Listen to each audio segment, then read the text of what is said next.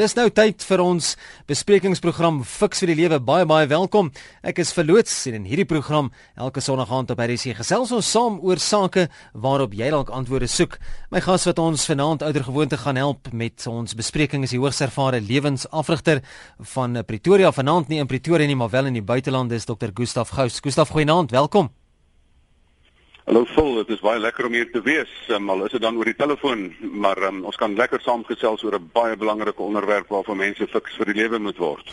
Onthou dat hierdie program nie aan jou as luisteraar enige voorskrifte gee van presies hoe jy moet lewe nie, maar dit bied riglyne waarbinne jy self keuses kan maak en dat jy stem dan ook nie noodwendig saam met die opinie van enige persoon wat aan hierdie program deelneem nie. Nou kom ons kom by vanaand se onderwerp reeds gehoor dis 'n baie belangrike onderwerp en iets ook wat redelik al, algemeen in Suid-Afrika voorkom en ook in die wêreld en dis egskeidings. Nou voor die kansel en in die kerk beloof paartjies met hulle troue dat net die dood hulle gaan skei. Ja, dink so 'n bietjie terug nê, toe daai belofte gemaak het, jy het beloof dat net die dood jou sal skei. Maar tog wys statistieke dat meer as 1 uit elke 4 Suid-Afrikaners wat trou skei en dat Suid-Afrika die hoogste egskeidingssyfer in Afrika het.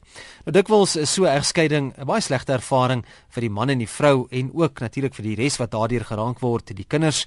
Maar hoe moet 'n egskeiding hanteer word tot voordeel van almal wat betrokke is en fiks vir die lewe fokus dan juis vanaand op hierdie onderwerp wanneer ons praat hoe om egskeiding te hanteer. Gustaf, ja, dit is skokkend as mens so na die statistiek ook kyk, maar Waarom kom getroudes op 'n plek waar hulle nie meer kans sien vir mekaar nie? Hulle was tog op 'n stadium erg verlief op mekaar en het so weet so groot belofte gemaak dat slegs die dood hulle kan skei. Hoe kom 'n mens by daai punt uit? So ja, dit is niemand trou om te skei nie. Daar's niemand wat voor die kansel staan en um, en daardie besluit gaan neem dit moet nou maar eindig een of ander tyd nie. Maar die korte lank daarvan is die rede hoekom mense op daai punt kom is omdat mense se emosionele tanks leeg raak. En daai emosionele tanks, kom ons sê as jy trou met iemand, dan maak jy eintlik 'n emosionele bankrekening by iemand oop.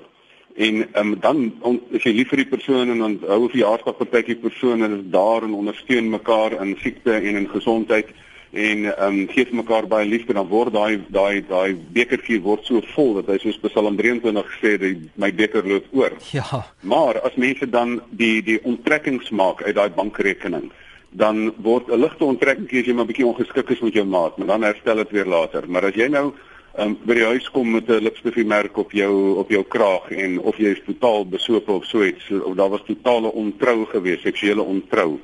Of as jy oor 'n lang tydperk hierdie um, hierdie verhouding afgeskeep het, dan maak jy onttrekking na onttrekking na onttrekking dat daai liefdestanks later leeg word en dat dat jy eintlik kan sê hierdie verhouding is bankrot. Dit kan ook wees nie net ontrou of afskeep nie, maar ook ontoereikendheid dat die een persoon met 'n aflige persoonlikheid of nie 'n lekker mens wees wat hulle nie aan wil werk nie, hmm. maar dan skerp kante het wat heeltyd die ander persoon ehm um, seermaak.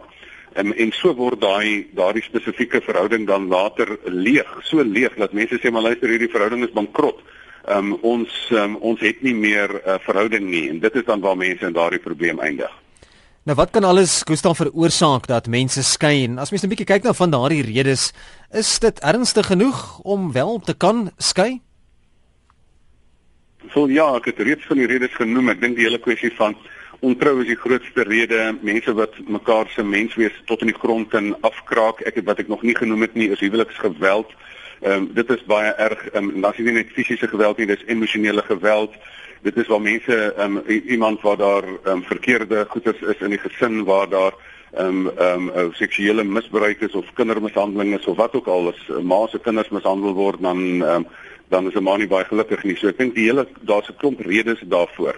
En ehm um, en ek dink dat 'n mens dat 'n mens vir jouself moet sê Natuurlik um, is dit nie die ideaal nie, maar daar's baie baie huwelike wat in die hemel aan mekaar gesit is wat op die aarde uitmekaar geskeur word deur die hmm. swakheid van mense se ehm um, se se hantering van sake. Ehm um, so ehm um, genoegsame rede, ehm um, ons kan later miskien kom wat is werklik die enigste redes waarvoor 'n mens kan skei, maar ehm um, dat 'n mens later op daai punt kan kom. Ek sien ook hier's 'n paar SMS'e wat al reeds deurgekom het oor die onderwerp Gustaf baie moeilike om om om oor hierdie goeters te kan praat. Nie altyd maklik nie, veral vir die mense wat daardeur geraak word. Ek sien ook hier's twee SMS'e. Die een sê het huweliksprobleme, moet ek skei want die kind dreig met selfmoord. En dan die volgende SMS wat sê: "Hoe gemaak as jy nie oor jou vrou kan kom nie? Ek probeer aanbeweeg, maar ek kan net nie. Ek en my vrou was 10 jaar saam. Ek het haar hoeveel keer gevra om ons nog 'n kans te gee, maar sy wil niks weet nie." Ja, vol daardie spesifieke vraag is um, is is baie moeilik. Um, dit is die hele kwessie van hoe gaan 'n mens aan na egskeiding? Ja. Nou, ehm um, wat ek altyd vir mense sê, jy kan nie die toekoms omhels as jy nog aan die verlede vashou nie. Ehm um, jy kan nie um, iemand nie omhels as jy nog bagasie dra van die verlede nie. So die metafoor wat ek daarvoor baie keer gebruik is, die mense besef nie 'n nuwe begin begin na egskeiding, begin nie met 'n nuwe begin nie. 'n Nuwe begin begin met 'n einde en dan 'n oorgangstydperk en dan eers 'n nuwe begin. Ek glo vir elke mens dat Jeremia 29 vers 11 waar is dat die Here vir jou 'n toekoms het en 'n verwagting. So daar lê vir elkeen van um, van ons 'n beloofde land voor. Ehm um, so die beste lê nog voor vir iemand wat glo. Maar ek dink die belangrikste is dan dat omdat mense vashou aan die verlede. Die metafoor wat ek altyd gebruik is die uittog uit Egipte. Want as die uittog uit Egipte ehm um, was die Israeliete, hulle het nou wel 'n goeie verhouding gehad daar in Egipte en kinders grootgemaak, maar daar was iets fouts. Daar was iets struktureel fouts. Hulle was slawe daar. En toe moes hulle deur diep water gaan om daar uit te kom maar toe hulle nou in die woestyn is in plaas daarvan dat hulle nou deurdruk beloofde land toe wat jou net 'n goeie 14 dae se vinnige stap sou gevat het ehm um, het hulle staan en terugverlang na die vleispotte van Egipte. So die Here kon nie hulle koppe gedraai kry nie ehm um, so as jy heeltyd aan die verlede vashou of as jy in die assies van ehm um, vure van die verlede sit en krap op uitgebrande vure dan gaan jy nie die nuwe kampvure van die beloofde land beleef nie En omdat daai hele geslag dit nie kon doen nie in plaas van 14 dae het hulle 40 jaar gevat. En dis wat ek altyd vir mense sê wat hierdie trauma van egskeiding is. Moenie gaan staan en sterf in die woestyn nie. Ehm um, um, as die verlede verby is, treur jou treure, huil jou huile. Ehm um, ehm um, maak die albums ehm um, en maar dan draai om, gaan vorentoe en en stap vooruit want die die toekoms lê nie agter jou nie, die toekoms lê voor jou. Nou as ons bietjie kyk na van daardie probleme in die huwelik, hoe moontlik is dit om 'n stukkende verhouding in 'n huwelik te herstel?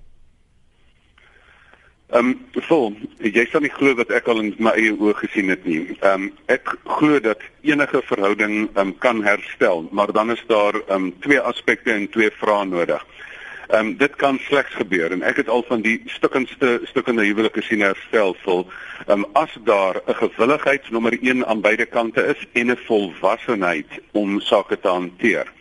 Ehm um, en dan die derde ding is jy moet dan kan kommunikeer daaroor. Ek sê altyd vir mense, as iemand nou jou emosionele tanks heeltemal leeg getrek het, dan kom die ander persoon en bely baie keer sê skus man jammer ek sal nie weer nie maar dan doen hulle dit net weer. Ja. Ehm um, as as jy die, jou man al vergewe het vir die 12de keer dat hy sê buiteegtelike seksuele verhouding gehad het en onthou dis nie net die mans wat dit doen nie dis die vrouens wat dit ook net soveel doen. Ehm um, en dan um, dan gaan die persoon nie maar na jou terugkom en sê jammer ekskuus uh, man jammer ek het al weer gedoen amper soos Britney Spears gesê het oeps ek het dit weer gedoen nie. Ehm um, jy moet ehm um, jy moet later jy moet twee vrae vir so 'n persoon vra. Ek sê altyd vir mense jy moet die eerste vraag is wat het gebeur? Nee, o, dit was in die hitte van die oomblik of o, dit was 'n uh, groot fout wat ek gemaak het. Maar as dan die tweede vraag is wat is anders? Ehm um, want as niks anders is nie gaan daai selfe gedrag homself weer herhaal. So eers as daar iets anders is of as die persoon anders is, dan gaan daai gedrag hulle self nie weer herhaal nie. Of dit nou of dit nou huweliksgeweld is en of dit nou huweliksontrou is en of dit nou klein ongeskiktheid is of mekaar met met, met tonge uitmekaar uitskeur. Ehm um, geen om wat dit is nie. Die die twee vrae wat jy moet vra is wat het gebeur en wat is anders? Hmm. En as jy daarop as jy wil besluit of jy moet aangaan met hierdie verhouding na iemand egbreek gepleeg het in die ergste graad en jy kry 'n bevestigende antwoord op hierdie twee vrae, dan kan jy voortgaan met hierdie verhouding, kan dit herstel al het jy die reg om te skei.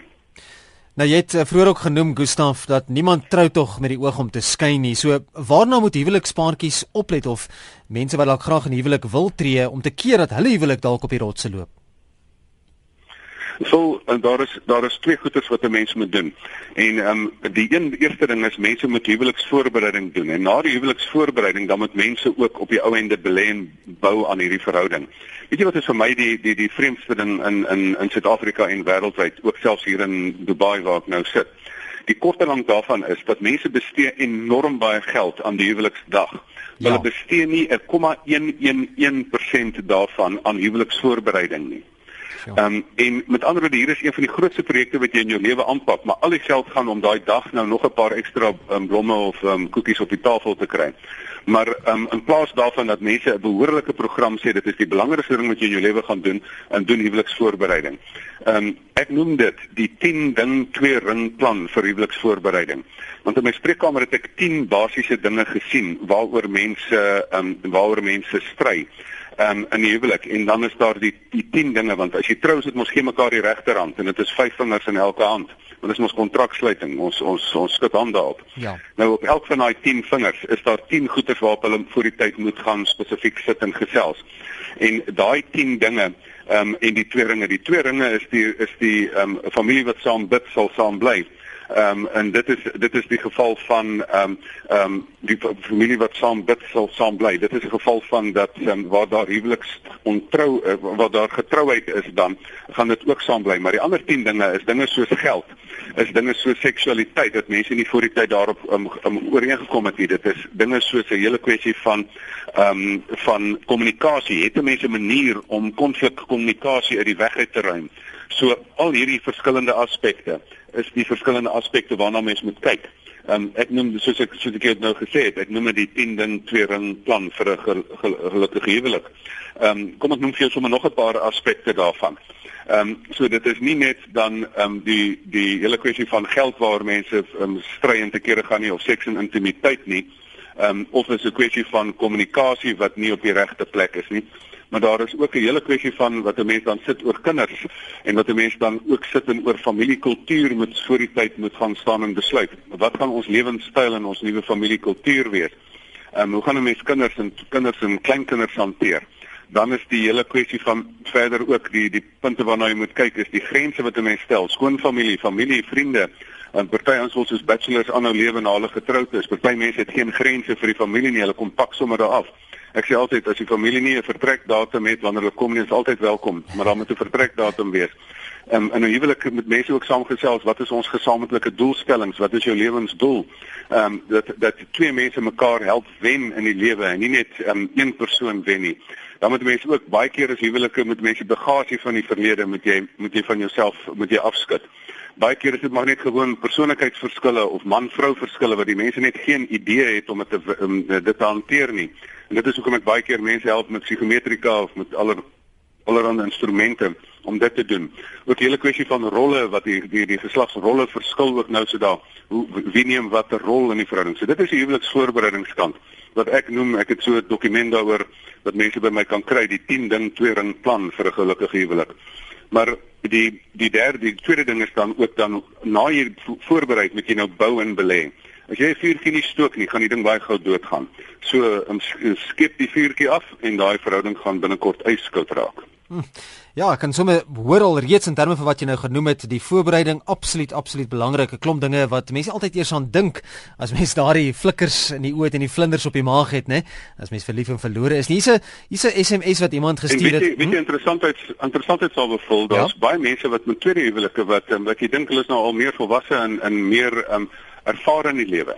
Maar dit mense dalk op op tweede en derde huwelik het ek dit self gesien dat mense vergeet om oor hierdie 10 dinge aandag te gee. En ek dink dit is een van die van die belangrikste goeders wat ons kan doen. Eerste, tweede wat sou huwelike ooral.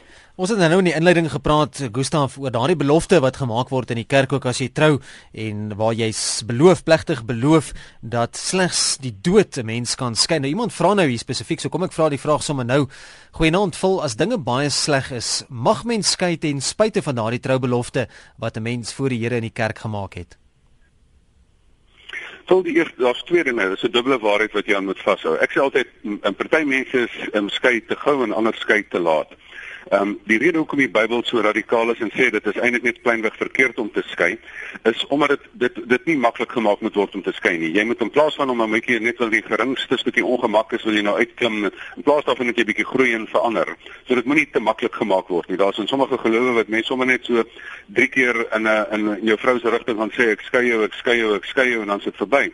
Ehm um, en maar dit kan nie net so wees nie. Daar is daarom ook regte en verantwoordelikhede. Ehm um, so maar um, vul wat maak jy nou? Al weet jy dan dit is verkeerd om te skei wat maak jy? Want dit is baie maklik om te kies tussen reg en verkeerd. Maar sien nou maar jy jou enigste keuse is 'n keuse tussen verkeerd en meer verkeerd. Wat gaan jy kies Want die Bybel is baie interessant. Die Bybel het altyd ehm um, ehm um, ehm um, uh, meer meer boodskappe as wat jy net aanvanklik die een kry. Die een is dat mense ook met respek behandel moet word. Sien nou maar ek sit met iemand voor my wat emosioneel verniel word, wat fisies um, uitmekaar uitgeslaan word. En ek sê vir ag nee my liewe mevroukie, jy moet nou maar daar bly in jou bloed, blou oë met jy nou maar net 'n um, ehm, bietjie dokter. En dit is mos totaal onverantwoordelik. So um, 'n mens kan tog nie vir wanneer daar misbruik is, wanneer daar gewelddadige gevaar is, amper lewensgevaar is nie. Ehm um, so as daar 'n keuse is tussen skei ehm um, wat sleg is en slegter, jy word totaal in jou menswees afgebreek. Ehm um, dan sien nou jou enigste keuse is tussen goed tussen sleg en slegter. Wat gaan jy kies? Sleg. Dan is sleg die goeie keuse. Mm. En ek dink dit is wat mense moet moet moet doen. Ehm um, so uh, daar's te veel goeie Christen mense wat dink 'n goeie Christen moet nou maar al hierdie misbruik vat. Nee, ek wil vir mense sê as jy in so 'n situasie is, jy's meer werd as dit. Jy moet weet jy het die reg om daar uit te tree. So dis die een situasie. Die ander ding is wat die Bybel duidelik het is oor wanneer daar ontrou is. Weet jy wat nou mense ontrou? Egbreek. So skei is nie egbreek nie. Dit is wanneer jy gaan staan en slaap met iemand anders, seksueel met iemand anders verkeer. Dit is egbreek. Ja. So die die die egskeiding is eintlik maar net om regstegnies om wetlik um uh, uh, uh, te maak wat eintlik in praktyk dan reeds bestaan. So as daar egbreek gepleeg het, is dan is die eg reeds gebreek deur die ander persoon se dade en dan dan moet jy dit nou maar net regstegnies maak wat reeds in praktyk nou nou so is. So ek dink dit is die twee redes. Um huweliks ontrou of wanneer iemand in regtig verniel word of in in in in so 'n situasie. En en dan um, maar wat ek net duidelik wil stel is, dis iets wat 'n mens moet moet in die situasie um besluit. Ehm um, want dit moet jy met 'n coach gaan deurpraat. Dit moet mens by 'n uh, 'n uh, uh, huweliksberader of met 'n priester of pastoor of uh, met iemand gaan deurpraat. Die ander interessante ding is ek net 'n laaste ding sê om vir iemand nou te dwing om in so 'n verhouding te bly en te sê egskeiding is sonde. Wat 'n vreemde misplaaste pietyd sal dit nie wees as jy nou vir iemand vra om in so 'n verhouding van abuse of 'n um, vermorsing um, um, aan te bly nie. Is 23 minute na 7 jy's ingeskakel by RSG die program se naam Fix vir die lewe. Ek is verloots saam met my vanaand gesels Dr. Gustaf Gous oor hoe om egskeiding te hanteer en jy kan gerus saamgesels 3343 dis die SMS nommer die e-pos fasiliteit rsg.co.za en ek sien daar's heelwat uh, roeringe reeds op die Facebook bladsy ook. Dis Fix vir die lewe op Facebook. Ons gaan ook binnekort telefoonoproepe neem 089 1104553 as jy wil de, wil deelneem en skakel kan jy gerus nou so maak. 0891104553 Gustav ons almal ken die storie van dat as twee olifante beklei wie kry skade? Is die gras wat vertrap word onder hulle voete nê. Nou dieselfde in terme van kinders. Ek sien iemand het ook hier gevra moet ouers skei as die probleme en stryd die kinders begin pla? Watter egskeiding of watter effek het egskeiding op kinders in huwelik en vol op sy beste is um, egskeiding nie goed vir kinders nie. Ehm um, en daar's baie ook 'n verskil in die effek ook op kinders of dit nou klein kindertjies is of dit tieners is of dit nou groter kinders is. Uh, Partykeer is dit baie interessant dat dat egskeidings dwing kinders om klein volwassenetjies te word want die pa en ma beklei soos kat en hond en dan word die kinders amper die groot mense in die huis. Ehm um, wat wat eintlik glad nie um, die geval moet wees nie net 'n oomblik. Maar die belangrike is wat ons moet kom ons stel eers net weer die ideaal vol. Die beste plek vir 'n kind um, is 'n huwelik tussen 'n man en 'n vrou wat daar nie destruktiewe konflik is nie. Hmm. Um, en daai verskriklike destruktiewe konflik kan mense sê dit bly by mekaar ter wille van die kinders. Daai destruktiewe konflik kan die kinders enorm skade aandoen. Ek sit in met pleisters plak in die spreekkamer met mense waar dit gebeur het jare daarna. Maar um, so maar die die die belangrike is is dat mense nou dink hulle moet nou maar um, skei as gevolg van um, van ehm um, van 'n konflik. Plaas dat hulle net leer om die konflik te hanteer. Ja. Um, ek dink die, die volwassenheid van ouers is dat hulle vir kinders moet wys hoe mens konflik kan hanteer. Vir kinders die voorbeeld moet kan stel want um, kinders doen nie wat jy sê nie, kinders doen wat jy doen. En daarom moet 'n mens vir hulle 'n baie goeie voorbeeld stel. Wat wel ook waar is, wat 'n mens ouers ook kan verwag is, as kindertjies klein is, dan wat daar gebeur is, ehm um, hulle het nie noodwendige morele oordeel om te kyk wie's nou wie's nou die skuldige party of nie en wat maak dit nou ook saak. Ehm um, hulle pa en ma skei en hulle sal baie keer amper baie keer leuns vertel om te maak dat pa en ma by mekaar moet um, moet weer moet uitkom. Hulle wil eintlik, hulle stap na die pappa en mamma toe en sit hulle hande, dis dis hartroerend. Sit -hmm. hulle vir die een se hand in die ander een en sê vat asseblief mekaar se hande. Want onthou 'n kind se sekuriteit word daardeur benadeel. Ehm um, en maar baie keer is dit ook dat die kinders nie volwasse is en sê pa, ma, jy word jy laat toe dat jy so misbruik word. Wil jy nie maar net uit hierdie situasie uittreë nie? Ehm um, so die effek op kinders is uiters aard glad nie goed nie. Daar's 'n vreemde uh, ander effek dat um, mense wat in ges, in 'n geskeide situasie is, kinders wat daar groot word, het een voordeel.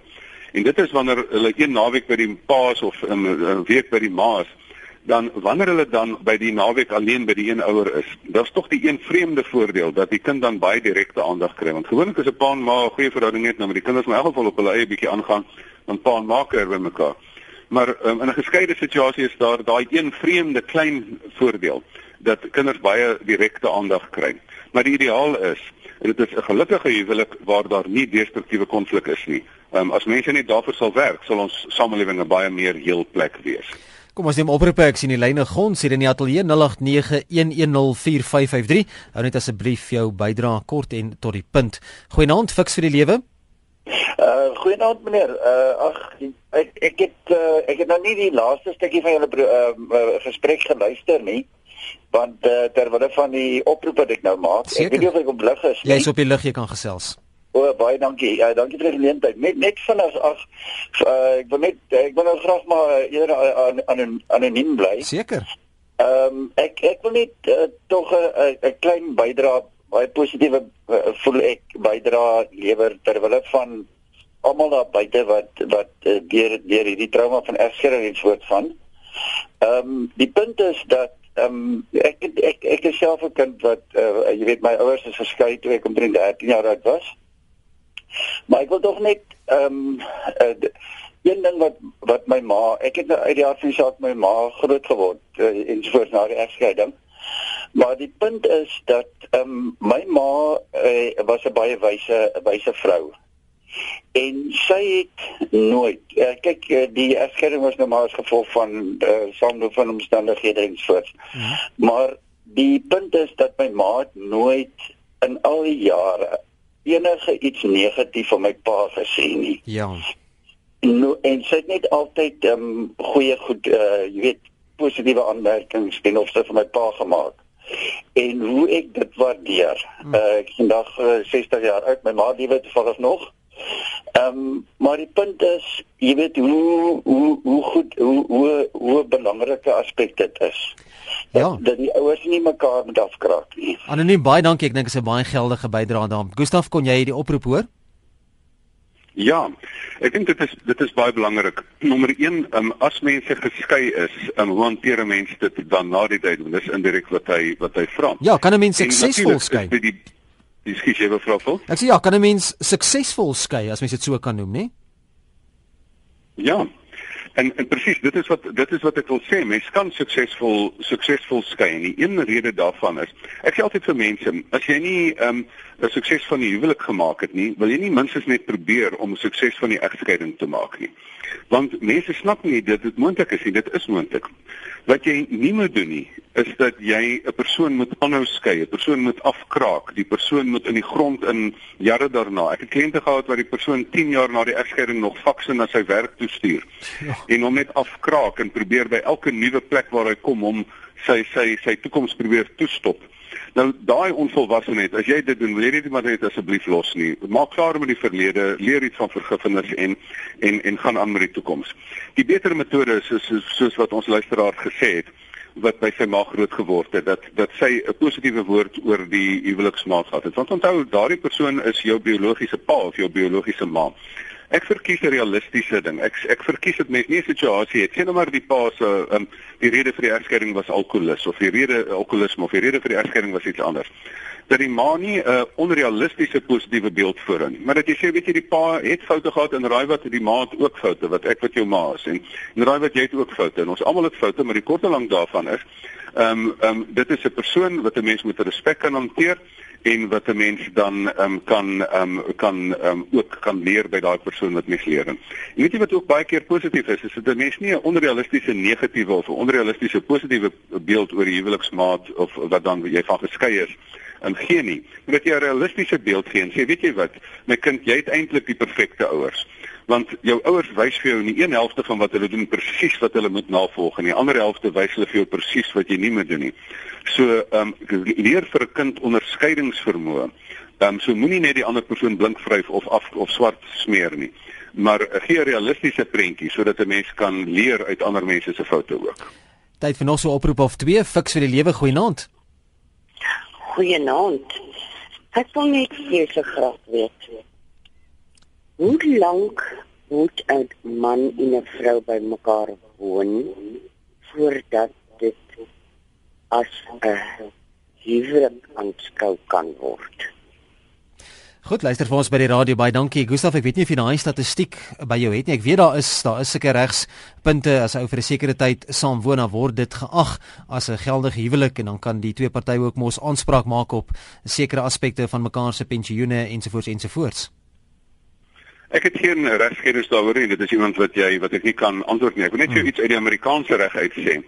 Ehm um, hoe hoe lank kan 'n persoon by mekaar woon en jy jy word nie as as getroud gereken nie. In die Amerikaanse wet is dit as jy in getrou en jy het nooit die die die Engelse woord daarvoor is geconsume, jy het nooit die wet letterlik by mekaar geslaap nie, dan is jy geag asof nooit getroud te wees nie. Die teendeel daarvan kan jy eintlik sê dat as jy dan saam geslaap het dan is mens getroud. Ja. Ek het geen regs regskennis daaroor nie. Ek dink die belangrike is net ehm um, hulle moet daarvan regsmening inwin. Die belangrike is net dat jy vir jouself moet afvra ehm um, ehm um, 'n 'n verhouding het 'n veilige ruimte nodig en die goeie veilige ruimte daarvoor ehm um, noem ons in ons terme maar 'n uh, huwelik en binne daai binne daai huwelik moet 'n mens met daai liefde sy veilige ruimte soos water binne 'n glas sy sy veiligheid kry. Ehm um, moet mense binne daai ruimte dit sit en as daar dan regstegnies twyfels is, ehm um, ehm um, kry regsmening en maak wetlik wat sodat jy ook beskerm word in daardie proses. Gustav as ek so kyk na 'n goue draadjie wat deur baie van die SMS'e ook loop, mense wat deur regskeidings gegaan het, daar's uh, baie skuldgevoel wat ek sien. Mense dra swaar en en voel sleg daaroor en skuldlas wat hulle dra na egskeiding. Ek sien ook hier's iemand wat sê, "Mag mens weer trou as jy geskei is? Asseblief, ek is so alleen." Half 'n uitroep van ek is nou deur hierdie egskeiding, ek mag nou nie meer enigsins my lewe verder geniet nie. Mag 'n mens weer trou as jy geskei ja, is, vra die persoon. Het, Ek het daar onthou die eerste ding wat ek reeds gesê het is dat mense um um as jou keuse, hoekom het jy 'n skuldgevoel hê as jou enigste keuse was tussen sleg en slegter en jy het sleg gekies? Dan het jy mos die goeie ding gedoen. So nommer 1, haal jouself van die hoek af en sê, luister dit het gebeur. Jy kan die persoon wees waar daar teen gesondig is of jy kan die persoon wees wat die oorsaak was daarvan. Weet jy die Here is 'n genadige God. Ehm um, vat jou sonde na die Here toe en gee dit vir hom en hy sal dit van jou wegneem. En as ander mense dit teen jou gooi, dan sê hulle vir hulle maar jy strei nou teen die teen die lewende God hier. So ek dink wat jy wat jy hier vir jouself moet moet sê is ehm um, ehm um, tel jou kop op as jy geskei is, ehm um, wat ook al gebeur het of jy nou die skuldige of nie die skuldige of helfte skuldige party was, ehm um, daar die Here sê vir jou daar's 'n toekoms vir jou. Ehm um, ek is ehm um, um, heilig oortuig daarvan dat daar geen probleem is dat mense weer kan trou na egskeiding nie um, omdat die Here vir jou die beloofde land in in in in gereedheid het en jy mag vir die Here vra om dit te doen. Al wat ek vir die mense eintlik vra is, ehm um, vra vir die Here, wees neem jou toekomsbesluite saam met hom. Vra vir die Here en sê maar wat het hy vir jou in plek? Ehm um, en en as as as Here sê maar ek wil ook mense hê wat wat enkel is want enkel wees is ook 'n geldige lewenstyl. Getroud wees is nie die enigste geldige lewenstyl nie. Ja. As Here vir jou dit in plek het, leef daarvoor berei daarvoor voor.